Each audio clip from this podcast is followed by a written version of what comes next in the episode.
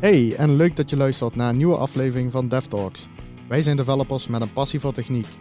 In deze podcast bespreken we de laatste trends op het gebied van software development. Vond je dit nou een leuke aflevering? Laat dan een like achter in je favoriete podcast-app.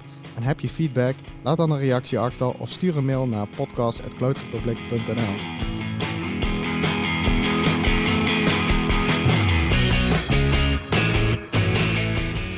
Hey, en welkom bij aflevering 12, The Future of uh, Cloud Development. Ik uh, zit hier met uh, Florian Schaal. Hallo allemaal. En ik ben natuurlijk Dieber Mulder. En Florian, we zitten weer bij elkaar. Ja, voor het eerst weer sinds corona. Ja, ja sinds mensheugenis ongeveer. Ja, ja, ja. Dus we hebben weer onze vertrouwde podcast setup met onze goede microfoons en ja, onze goede Roadcaster mixpaneel. Dus, yes. Uh, nou, het was wel weer uh, tijd om even naar kantoor te gaan, vond je niet? Ja, je mist het wel op zich, uh, inderdaad. Dus, Samen een bakje koffie doen, met z'n allen aan hetzelfde project werken, echt bij elkaar. Ja. Dat is wel... ja, ja, Ik heb het gemist in ieder geval. Ja, ik ook, zeker, zeker, ja, absoluut. Hey, we gaan het vandaag hebben over de toekomst van het cloud development. Tenminste, als het aan bepaalde personen ligt. Bij Microsoft? Ja, onder andere. Nou ja, het is niet alleen uh, Microsoft. Maar uh, we gaan het hebben over uh, onder andere Dapper en ja. OAM. Ja. Als het in het Nederlands uitspreken, OAM. Lijkt net dat snoepje van de Maoam. Dat kan je ook nooit normaal uitspreken. Ja. Maar ehm, niet voordat we natuurlijk de highlights hebben gedaan. Zeker. Heb jij de afgelopen twee weken nog wat bijzonders gezien? Ja, ik ben eigenlijk uh, sinds we nou uh, weer af en toe op kantoor komen, ben ik weer uh, podcasts gaan luisteren van, van Microsoft. Oh, dit, dit, is heel slecht nieuws. Dus niemand heeft onze podcast geluisterd tijdens COVID.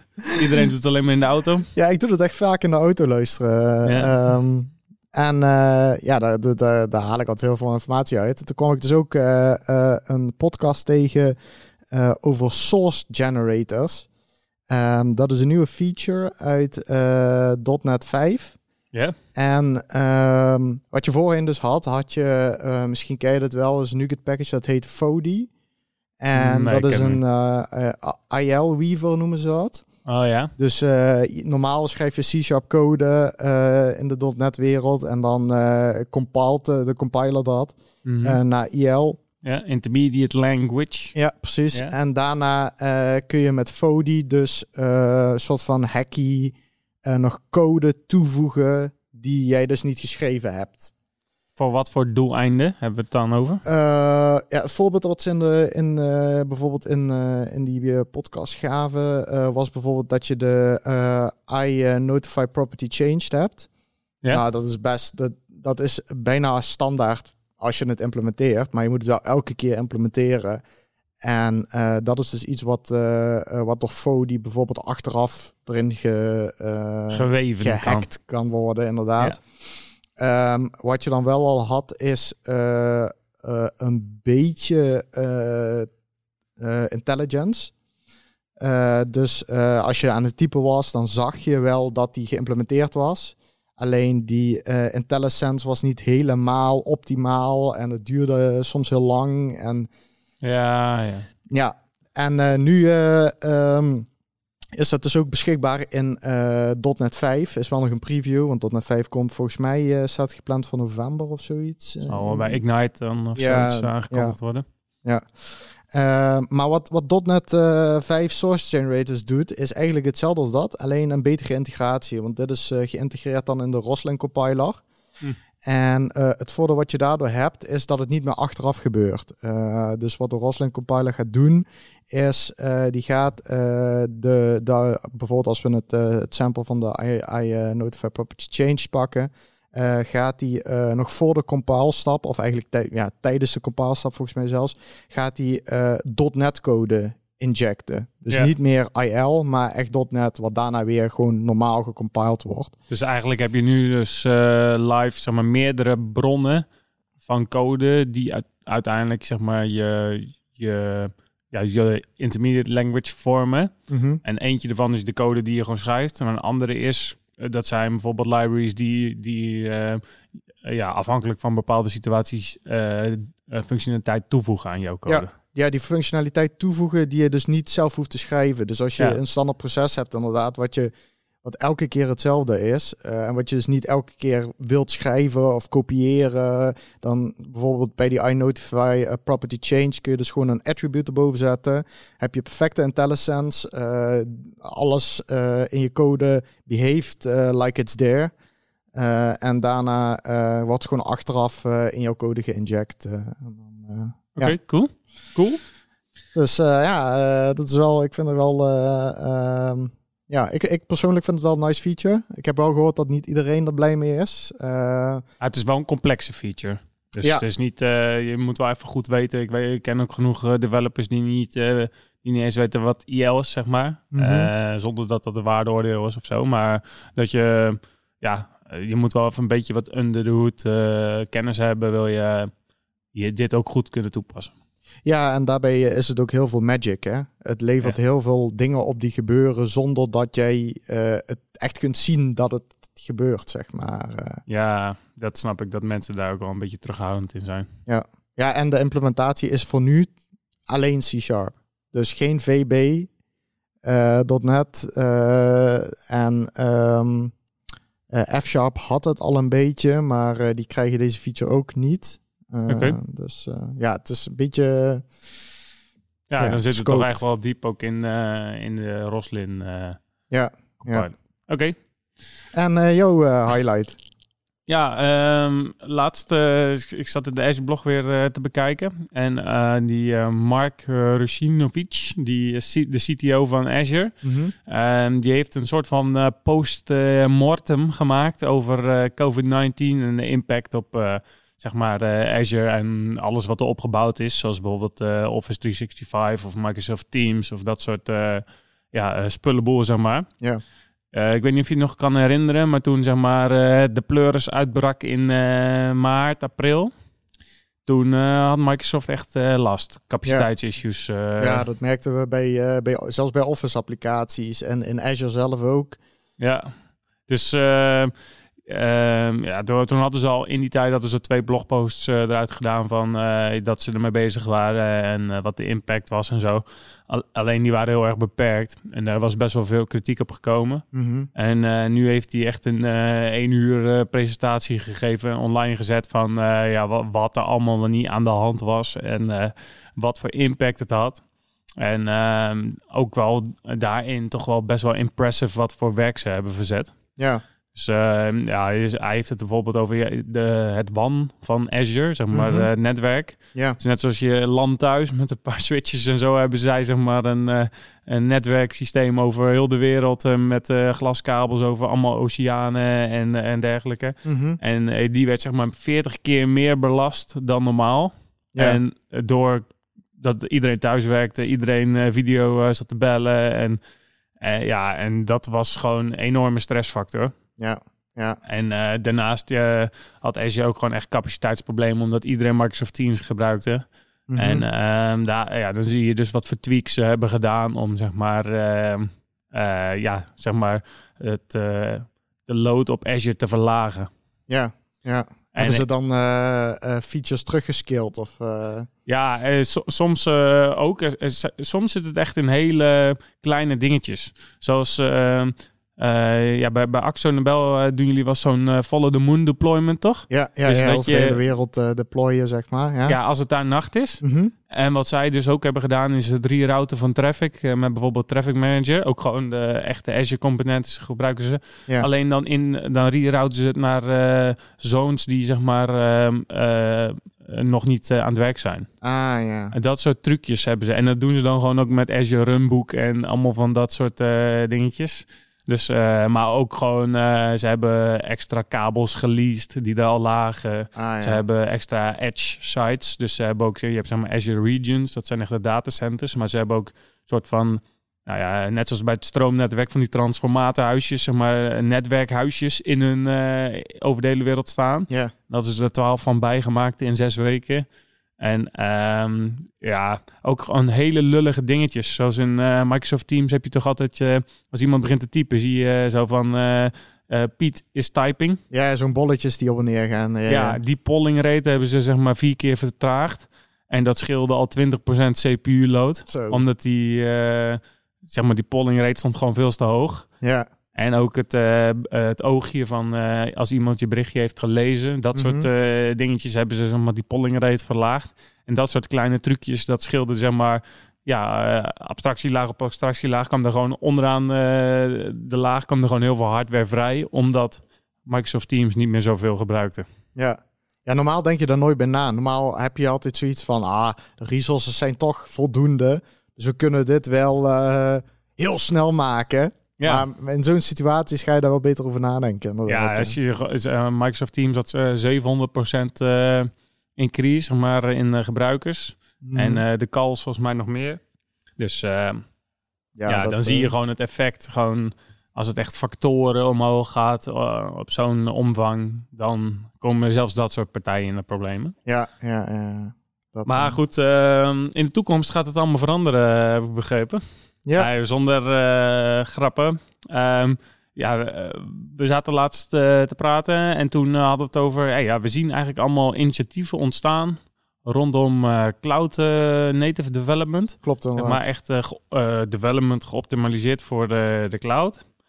En eigenlijk heb je nu, ja, niet, ik wil niet zeggen twee kampen, maar je hebt wel mensen die zijn container first. Mhm. En je hebt mensen die zijn functions first. Ja, ja, of serverless eigenlijk. Ja, eh, serverless functions eh, Ja, ja, ja. first. ja. En eh f- of FAS wordt het ook wel eens genoemd, functions as a service. Mhm. Ehm, maar ja, eh, voor allebei de scenario's is eh, wat te zeggen natuurlijk. Ja, ja. Met eh, functions heb je een programmeermodel wat je echt met die triggers en die bindings en dergelijke, wat je echt super effectief maakt.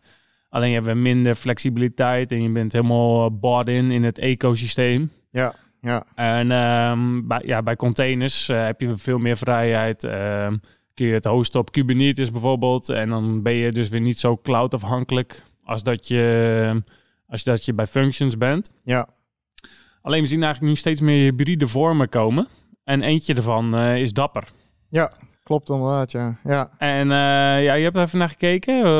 Kun jij Dapper een klein beetje eh, toelichten? ja ik heb even inderdaad, eh, want eh, de, de beste man bij Microsoft die er verantwoordelijk voor is, voor, voor Azure, Ja? die, die had een hele mooie presentatie daarover gegeven. Ehm, en als ik het goed begrepen heb, wat Dapper eigenlijk probeert te doen, is een, een runtime op te zetten. waar jij dus gewoon je applicatie naar de cloud kunt deployen ehm, op, een, op een model waar je onafhankelijk bent van wat eronder zit eigenlijk. eh, gebaseerd op containers. Ja, dus eh, de, de, eigenlijk is het weer een abstractielaag bovenop, nou, nu, eh, nu de eerste implementatie is bovenop Kubernetes. Ze hebben eigenlijk een spec gemaakt gewoon van, we hebben een runtime gemaakt en die kun je lokaal draaien. Mhm. Je kunt hem op IoT op een, op een single container draaien, maar je kan hem ook op Kubernetes draaien. Ja. En ehm, daarin hebben ze eigenlijk ehm, ja, bepaalde aspecten van functions en andere aspecten, bijvoorbeeld het actor eh, pattern, Ja. actor model, dat, eh, dat hebben ze in die runtime verwerkt. Ja, dus je, je hebt heel veel extra functionaliteit waar je niet meer over na hoeft te denken. Ja, Die je heel makkelijk eh, aan je applicatie toe kunt voegen. Die normaal heel veel ehm, effort en, en tijd kost om toe te voegen normaal. ja. Dus ehm, zelf beschrijven ze het, zeg maar, hun, eh, de, de- ja, het he- heel de Dapper framework bestaat uit zes building blocks. Mhm. En dat is dan service-to-service eh, invocation. Dus eh, stel je voor, je hebt verschillende microservices die praten met elkaar. Ja, Eh, ja, hoe, hoe zouden we dat nu doen? Bijvoorbeeld met de pub-sub-mechanisme met een Azure Service Bus of iets dergelijks. Nou, als je dat in een container workload moet doen, dan moet je toch wel weer die SDK's van Azure Service Bus of RabbitMQ of weet ik veel wat. Ja. Ja, ja zeg maar in, in je code verwerken. Mhm. Nu zit het in Dapper. Net, Ja. zoals, net zo easy als dat je in een function een service bus trigger hebt, heb je, Mhm. kun je nu in Dapper inhaken en kun je een, eh, ja, zeg maar een invocation van een andere service gaan doen. ja, ja. ja, dat is ook heel mooi, want daar zit ook weer heel veel setup op. Eh, ik weet bij Docker inderdaad, eh, moet je dan bijvoorbeeld als je van de ene container naar de andere wil, moet je weer een netwerk onderling opzetten, zodat die elkaar kunnen zien. En. Ja, ja dat soort dingen hebben ze dus ook met uh, State gedaan. Dus je kunt verschillende State providers zeg maar, erin zetten. Bijvoorbeeld een blob storage of een, gewoon een key value storage of een Cosmos DB, SQL Server, Dynamo DB van AWS bijvoorbeeld. Mhm. Ehm, dat soort bindings heb je nu allemaal zeg maar, in je programmeermodel van je services. Ja.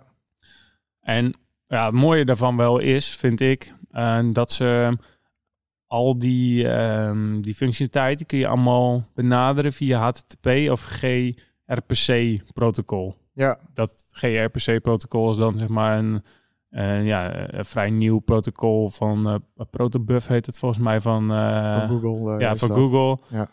Um, dat zeg maar wat minder overhead en sneller is dan HTTP. Ja, ja. Maar ja, in principe, ik ken geen taal waar je niet een normale HTTP-call mee kan doen. Nee, nee, dat is volgens mij een, ja, dat is, dat is de way to go tegenwoordig eigenlijk wel. Dus ja, en, dat wil dus zeggen dus dat je die dapper runtime, die, daarmee communiceer je via HTTP of via gRPC. En dan eh, kan je elke taal, je microservices kun je zeg maar in elke taal gaan schrijven. Ja, ja. En uh, um, ja, dus als ik een functions wil gaan doen, bijvoorbeeld Python in Azure Functions. Nou, volgens mij is, is dat net GA of het is nog in preview. Terwijl Python is tegenwoordig... ja, ja, maar best veel gebruikt als je ja, dus ja, dat is wel echt, in mijn optiek is dat zijn dat wel hele grote veranderingen ten opzichte van functions. Dat je, ja, zeg maar, je kan je eigen taal kiezen en je Mhm. kan die runtime pakken en je kan het gaan hosten waar je het wil. Ja, dat is denk ik ook inderdaad. Want uh, als je nu kijkt naar uh, bijvoorbeeld, wij, wij doen heel veel met Azure. En uh, bij Azure heb je vaak inderdaad, als je, als je bijvoorbeeld functies op Azure runt. Um, als in, in het, in het, in het geval waar Azure een keer down zou zijn, is het lastig om zoiets heel snel naar een andere cloud over te zetten. Ja, Zeg maar, eigenlijk is dat gewoon Eigenlijk heel is moeilijk. onmogelijk. Of je moet Ja. eh, een kopie maken met andere dingen. Met, Ja, je hebt die functions runtime, die kan je tegenwoordig wel draaien in een container of zo. Maar ja, dan ben je eerst dat. Ja, het is gewoon praktisch gewoon niet, eh Niet- niet, ja. niet haalbaar. niet, niet veel mensen doen het, laat ik het zo zeggen. Nee. En eh, dit, dit biedt wel een hele makkelijke manier. En als, als heel veel cloud providers dit, dit gaan gebruiken, zeg maar, die runtime gaan supporten, dat biedt je dat wel een hele makkelijke manier om, om weer één, één stap voor te zijn. Dat als bijvoorbeeld eh, een kabel van Microsoft die op de zeebodem ligt eh, stuk gaat, dat je dan misschien die, die kabel die ernaast ligt van eh, Amazon het wel nog doet, weet je wel. Ja, Dus Ja, maar in principe hoeven, hoeven nu cloud providers niks te doen. Je kunt gewoon, ja, tenminste Kubernetes draait op Kubernetes. Uh, je kunt Kubernetes bij Alibaba halen, bij Amazon, Ja. bij Azure, bij Google. mhm. On-premise draaien.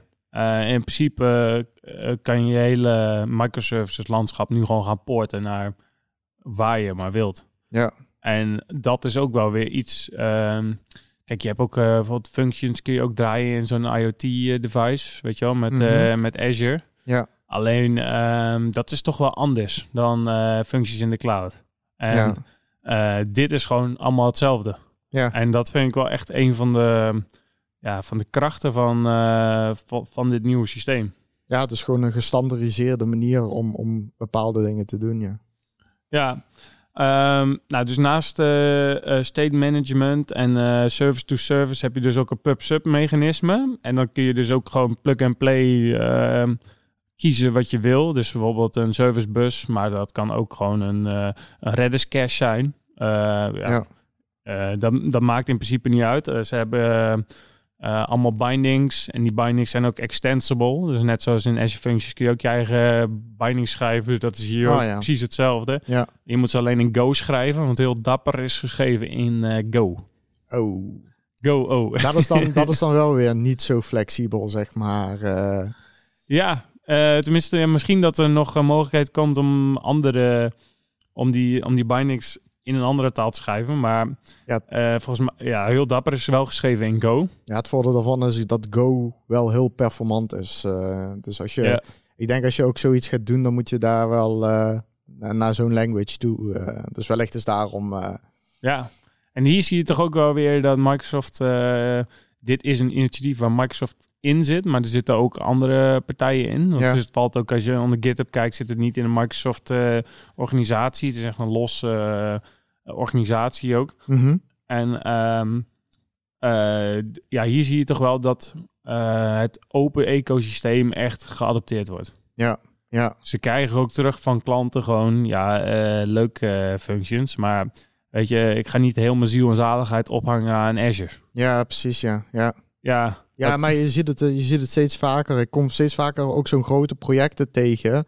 Um, waar bijvoorbeeld uh, bedrijven zoals Zalando of uh, uh, Google gewoon met Microsoft meedoen, weet je wel. Nou ja, Zalando zal dan weinig belang bij hebben, maar Google bijvoorbeeld heeft zijn eigen cloud. En als die dan zeggen van, oh ja, Microsoft, goed idee. Ja, top, top project. Wij gaan jullie supporten. Ja, ja. dan... Dat, ja, dat, dat, dat, zie je niet vaak in, in andere branches, dat de concurrent even jou gaat helpen. Nee, dat klopt. Ja. Dus dat is wel opmerkelijk. Ja, het, maar het is ook gewoon het belang natuurlijk dat iedereen heeft, is Um, ja, ze willen gewoon allemaal die computer hebben. Ze willen allemaal dat jij dapper bij hun gaat draaien. Ja. Maar als jij niet um, het volgende platform ontwikkelt, weet je zeker dat je achteraan in de rij staat natuurlijk. Ja, dat is zeker waar, ja. Dus um, ik, ik vind het een mooie uh, vooruitgang. Mm -hmm. Um, zullen we nog even de laatste building blocks bespreken? Ja. Dus we hebben nu service-to-service, state uh, management gehad, pub-sub. Um, dan hebben ze ook nog uh, het actor, uh, actor pattern erin ge gezet. Ja. Weet je nog, dat, dat zat vroeger in, of zoek vroeger, dat zat een Service Fabric als zeg maar ingebouwd. Ja, ja. En ehm, dat maakt, ja, Service Fabric was een soort van Kubernetes tegenhanger, maar die, is, mm -hmm. die heeft het nooit het daglicht mogen zien, ongeveer. Nee, nee, ik heb ook nee, daar niet echt mee gewerkt, nee. Nee. En, maar het actor pattern is wel gewoon ja, we hebben het laatst nog gezien in Azure Functions. Hè? Uh, entity uh, functions, uh, daar zit, zit dat wel in, ja. Ja, en um, ja, je hebt zeg maar hele bekende libraries van bijvoorbeeld Orleans of ja. Akka is er volgens Akka. mij. heb je, ja. Ja, is er ja. volgens mij ook een. Alleen ja, dat waren dus altijd van die, van die language-specific implementaties. Ja, ja dus als jij ja. een Node.js microservice schrijft en je wil dat uh, Orleans gebruiken, ja, dat kon nooit. Nee. En nu heb je, kun je gewoon zo'n uh, actor model uh, in Dapper gebruiken. Mm -hmm. Door alleen maar te communiceren met die API's van Dapper. En ja. die zit altijd op HTTP of gRPC. Dus dat is wel... Ja, dan, dan, dan heb je gewoon ja, het gestandardiseerd eigenlijk. ja. In die zin. En dat laatste zit er ook nog een stukje distributed tracing in. Eigenlijk gewoon logging en monitoring. Ja. Um, ook weer opvallend dat ze daar dus uh, een industriestandaard kiezen. Mhm. Dus uh, in principe alles wat Open Sensors gebruikt. Persoonlijk ken ik het, de standaard niet echt. Maar uh, nee. kun je dat gebruiken. En daar zit ehm, onder andere Application Insights in. Maar ook, weet je ook weer Datadog of zo? Oh ja, Datadog, ja. Ja, ja, en ehm, volgens mij Console van HashiCorp. Dat oh, soort... echt gewoon bijna alles adopteert dat. Ja. Dus kun je ook weer je logging uh, gebruiken die je echt wil. Ja, ja dat Bij... is ook vaak als je naar de cloud gaat. Uh, is dat het, uh, ik heb in het verleden wel eens Datadog gebruikt. En als je dan, ja, ze hebben wel connections met Azure, maar mm, je, ja. je wil eigenlijk dan, dan dat bouwen wat erop gebouwd is. Of wat ervoor gemaakt is, zeg maar. Dan, dan zit je dus bij Azure gebonden op Application Insight. Ja. Maar als je hier dus een standaard gebruikt, dan, ja, dan ja, en dat vind ik toch ook wel weer opvallend verschil met uh, Vaas, met uh, functions. Mm -hmm. Kijk, ga jij maar eens Azure Functions doen zonder, uh, uh, zonder Application Insights? Weet je wel? Ja. Dat zit zo in die runtime gebakken. Dat als je iets anders wil gaan gebruiken, dat kan wel, maar dat, dat werkt niet zo fijn. En, nee. en hier kun je dus gewoon eentje kiezen die jou echt bevalt. En um, ja, bijvoorbeeld uh, de dashboarding ook. Uh, stel je kan nu iets met, met Grafana dashboards gaan maken. Ja, ja dat, ik, persoonlijk vind ik dat veel matureder dan uh, de dashboards die je in Application Insights kan maken bijvoorbeeld. Ja. Dat werkt veel fijner. Ja. Ja, ik denk dat het ook de adoption rate inderdaad zal increasen.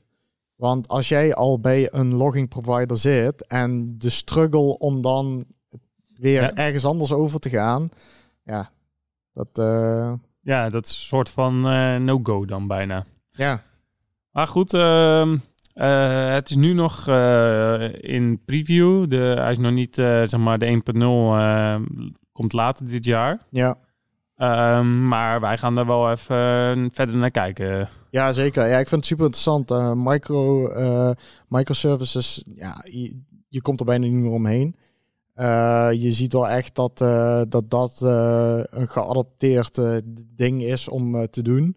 En dat de, complexiteit ook steeds minder wordt. in het verleden zag je altijd die grote tekeningen van, van Netflix. Of van, van Amazon, waar je echt een spinnenweb ziet. En dan denk je van, nou, dit kan ik echt niet in ons team aandragen. Want dan ja. Komen we nergens meer aan toe. Dan, maar met, zo, met zo'n project, er wordt heel veel van die complexiteit eigenlijk weggehaald. Ja. En ja, wordt heel veel, zoals die beschreven wordt, als building blocks toegevoegd aan je, aan je omgeving. Dus... Ja, en zie je ook voor je dat de hele community dan zometeen triggers en bindings gaan maken. Ja, dan zometeen echt gewoon, um, ja, zeg maar, met uh, vijf regels code stuur je een berichtje naar SendGrid of stuur je een berichtje naar uh, SMS-dienst, Office 365, weet ik veel wat natuurlijk allemaal gaat komen. Ja. Dus die integratie die wordt zometeen dan ook wel makkelijker. Ik denk dat dat de adoption rate ook al ja, dat is zeker, beïnvloeden. Dat is zeker de kracht inderdaad.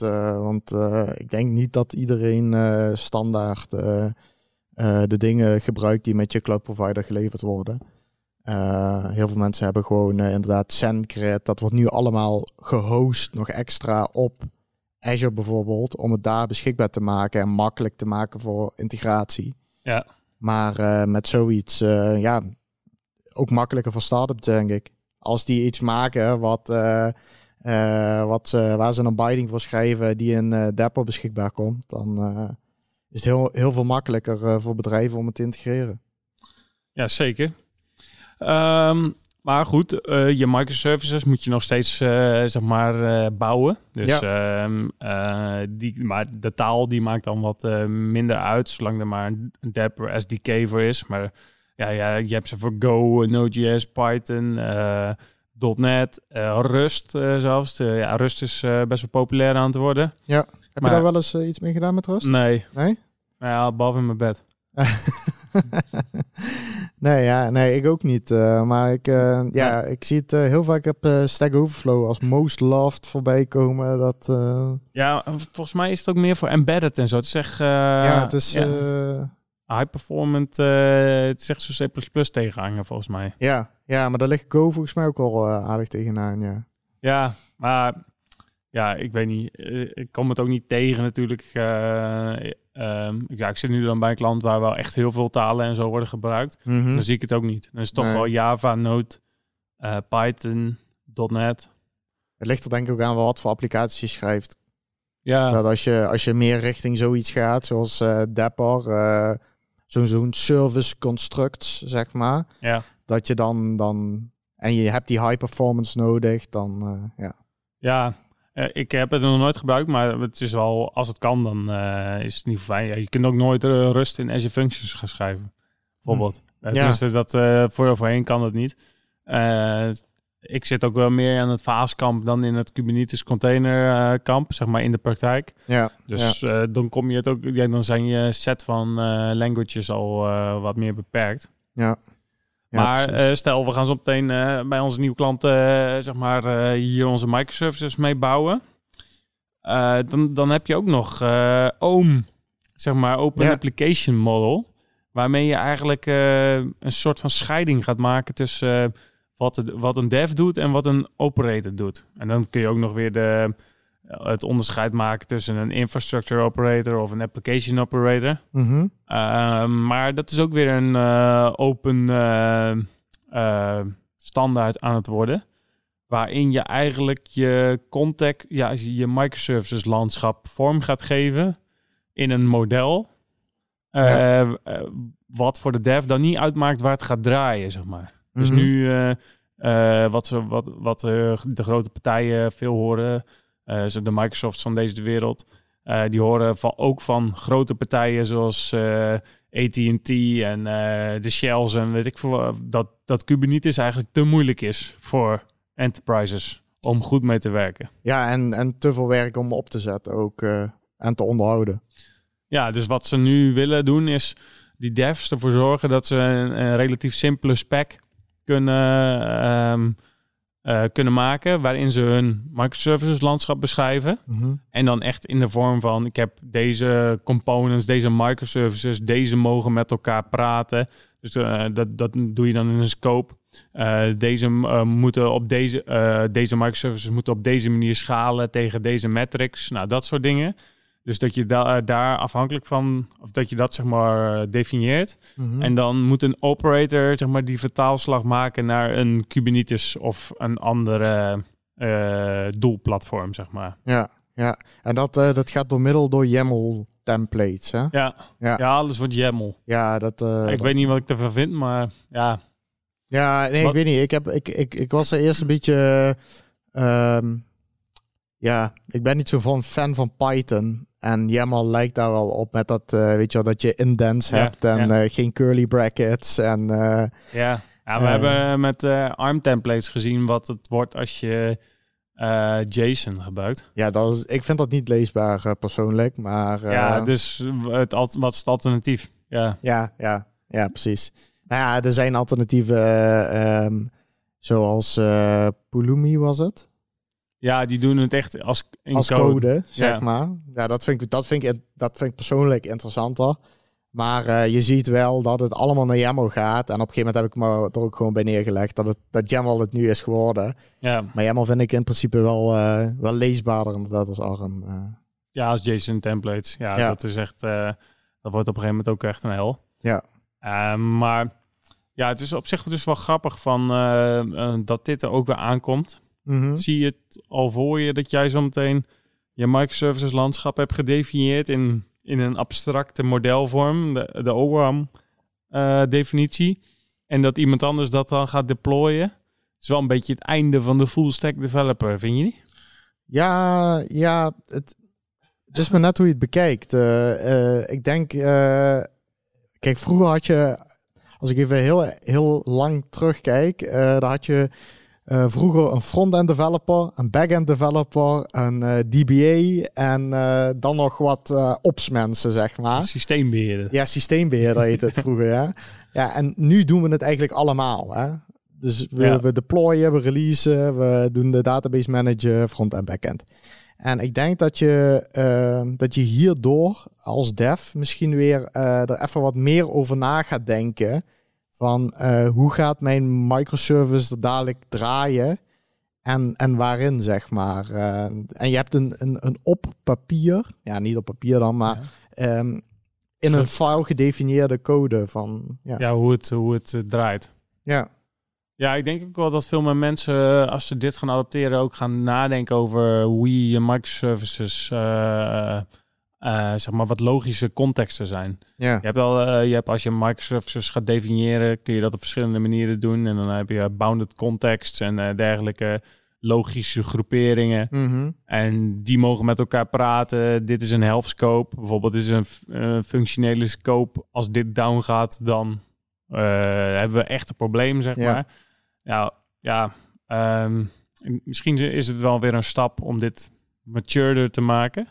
Ja, ik denk het wel persoonlijk. eh, ja. Ja, ik, ik denk ook wel dat eh, de tijd dat een dev nu alles kan, wordt, ja, je hebt je zal vast eh, devs hebben die en Kubernetes goed kun, echt gewoon, ja, heel, heel wat mensen die kunnen, zeg maar de basics, Mhm. maar dat echt goed inrichten, goed je .NET of Go of wat ik voor microservices schrijven, goede resiliency, Ja. ook nog frontend, ja, het wordt een beetje veel. Ja.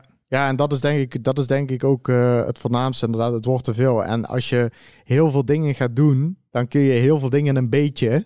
Ja. En eh, ja, je wilt toch liever dat je specialiseert op één ding. Wat je heel goed snapt en exact weet wat er gebeurt dan. eh. En ik denk, beetje alsof ik nu een frontend ga bouwen. Ik, ik kan het wel een beetje. Maar uh, ja, het, heeft niet, het is niet dat jij nou uh, ja. uh, een heel CSS-framework kunt bedenken, zeg maar. Nee, nee, nee, zeker niet. Dus ja, ik denk dat je daardoor kwalitatief betere applicaties krijgt. Ja. ja, het zet ons wel weer aan het denken. Kijk, als je nu op full stack vacatures zou zoeken, dan zijn ze nog steeds in alle soorten en maten, denk ik. Mm -hmm. Alleen het, het, was altijd al, altijd al een beetje het schaap met de vijf poten, zeg maar. Mm. Van je moet en dit en dat en dit en dit allemaal kunnen. En front en backend, microservices, Azure, CI/CD, alles moet je kunnen. Ja. En het wordt met Kubernetes en zo wordt het een beetje schaap met de zes poten. En nu Gaan we er toch maar twee, met, twee schapen met drie poten van maken. ja, ja, dat is zeker. Ja, ik denk dat het nog altijd uh, uh, uh, verstandig is om een basis te hebben natuurlijk. En, en ja, als je, als je een basis als full stack hebt, dan, dan is dat altijd fijn. Want dan snap je ook hoe jouw applicatie gebruikt wordt. Ja. Maar ja. Ja, natuurlijk. Ja, dus echt weer helemaal terug naar alleen maar in je eigen hokje doen zeg maar de API-spec naar de front-end developer gooien en uh, hopen dat hij er iets moois van maakt. Dat, uh, dat, dat zal niet meer terugkomen, hoop ik. Nee. Maar uh, ja, dus het meer scheiden en dat ook echt in dus de definitie van je code, van je applicatie. Mm -hmm. Dus in zo'n open application model definiëren. Dan, ja, dan is het ook echt hard, weet je wel. Dan is het gewoon ja, uh, zorg jij infrastructure operator ervoor dat dit goed landt op Kubernetes? Ja. En ik zie dat wel echt gebeuren ook wel. Dus bij grote organisaties hebben ze ook veel mensen die zijn met technisch applicatiebeheerder of iets mm -hmm. dergelijks. Mm -hmm. Dat zijn echt de systeembeheerders van uh, weleer. En uh, ja, die kunnen dan zometeen zo'n zo'n spec pakken van, uh, oh, ze hebben dit gemaakt, zo hangt het aan elkaar. Ik ga de vertaalslag maken naar Kubernetes. Ik doe de daily monitoring. Ik doe de, ja, dan uh, kom je wel tot een betere integratie, zeg maar, een betere samenwerking. Ja, ja dat denk ik ook, ja. Ja, ja. vooral uh, zo'n cruciale dingen als monitoring bijvoorbeeld. Als ik uh, naar, naar de applicaties kijk die ik wel eens tegenkom, dan is dat ook wel zoiets wat vaak vergeten wordt. Of uh, ja. ja. monitoring, dat komt wel. We, we, zien wel als de applicatie niet meer werkt. Uh, maar uh, ja. dat merken we vanzelf wel. Maar dat is, ja. Ja, het is toch wel een, vo een volgende stap in je volwassenheid. Omdat van je team, zeg maar, van je applicatielandschap... om al dat soort dingen wel goed geregeld te hebben. Ja, ja. En nu IT, zeg maar, steeds belangrijker wordt voor bedrijven... Ja, dan ja, wij werken ook aan applicaties. Als dat uh, omvalt, dan uh, hangen er zeg maar uh, duizend mensen aan de telefoon. Ja, dan, ja, kan zeker. Je, dan kan je dat niet meer maken. Nee, nee. Ja, en ik denk dat, dat door zoiets juist ook de, de, dat vragenpatroon duidelijker wordt. Ja. Dus, ja. Oké. Okay. Dus uh, zometeen wordt het, uh, we schrijven onze uh, Go Rust microservices op een dapper runtime die draait op Kubernetes. En we, we, gaan onze microservices definiëren hoe ze aan elkaar hangen, welke bij welke mogen, wat een health scope is. In ons application, open application model. Ja. Die gaan we uh, mailen naar onze infrastructure operator. Nee, in, so in, nee. in, source code, hè? Ja, dat geintje natuurlijk. Maar die mag dan uh, pull request maken hoe dat in uh, Kubernetes komt. Ja. En die drukt dan op release. En dan hebben we zometeen onze microservices in Azure, AWS, on, on the edge draaien met logging in data, uh, Datadog, uh, Application Insights, uh, whatever. Ja, ja, maakt gewoon niet meer uit wat, je, wat het is. Ja. Alles er, ja. Ik zou dat wel echt vet vinden. Dat Ja. we zometeen... Kijk, nu is het altijd Application Insights, altijd hetzelfde. ja, dus gewoon, Zometeen kun je echt best of breed eh, erin ja, knopen. Vendor lock wordt dadelijk gewoon niet meer een ding, zeg maar. eh. That's the dream. Ja. ja, tenminste. Het zou, eh, Ja. het zou wel beter zijn. ja, Oké, nou, dan sluiten we hem hiermee af. ja, Ik denk dat we genoeg perspectief hebben voor de, voor de toekomst. Genoeg ehm, eh, studiemateriaal. we gaan dit op de voet volgen. Als het GA, als zeg maar general available is en de 1.0 is gereleased, komen we er zeker op terug. En voor nu bedankt voor het luisteren. Bedankt Florian. Ja, bedankt. En ehm, vond je dit nou een leuke aflevering? Volg ons dan op Spotify of geef ons een 5 sterren rating op Apple Podcast. Daarnaast plaatsen wij ook uh, leuke content over Azure, frontend, backend uh, technieken op uh, onze Cloud Republic social media. Dus volg ons op LinkedIn, Instagram of Twitter. En stay tuned. Tot de volgende. Yo, tot de volgende.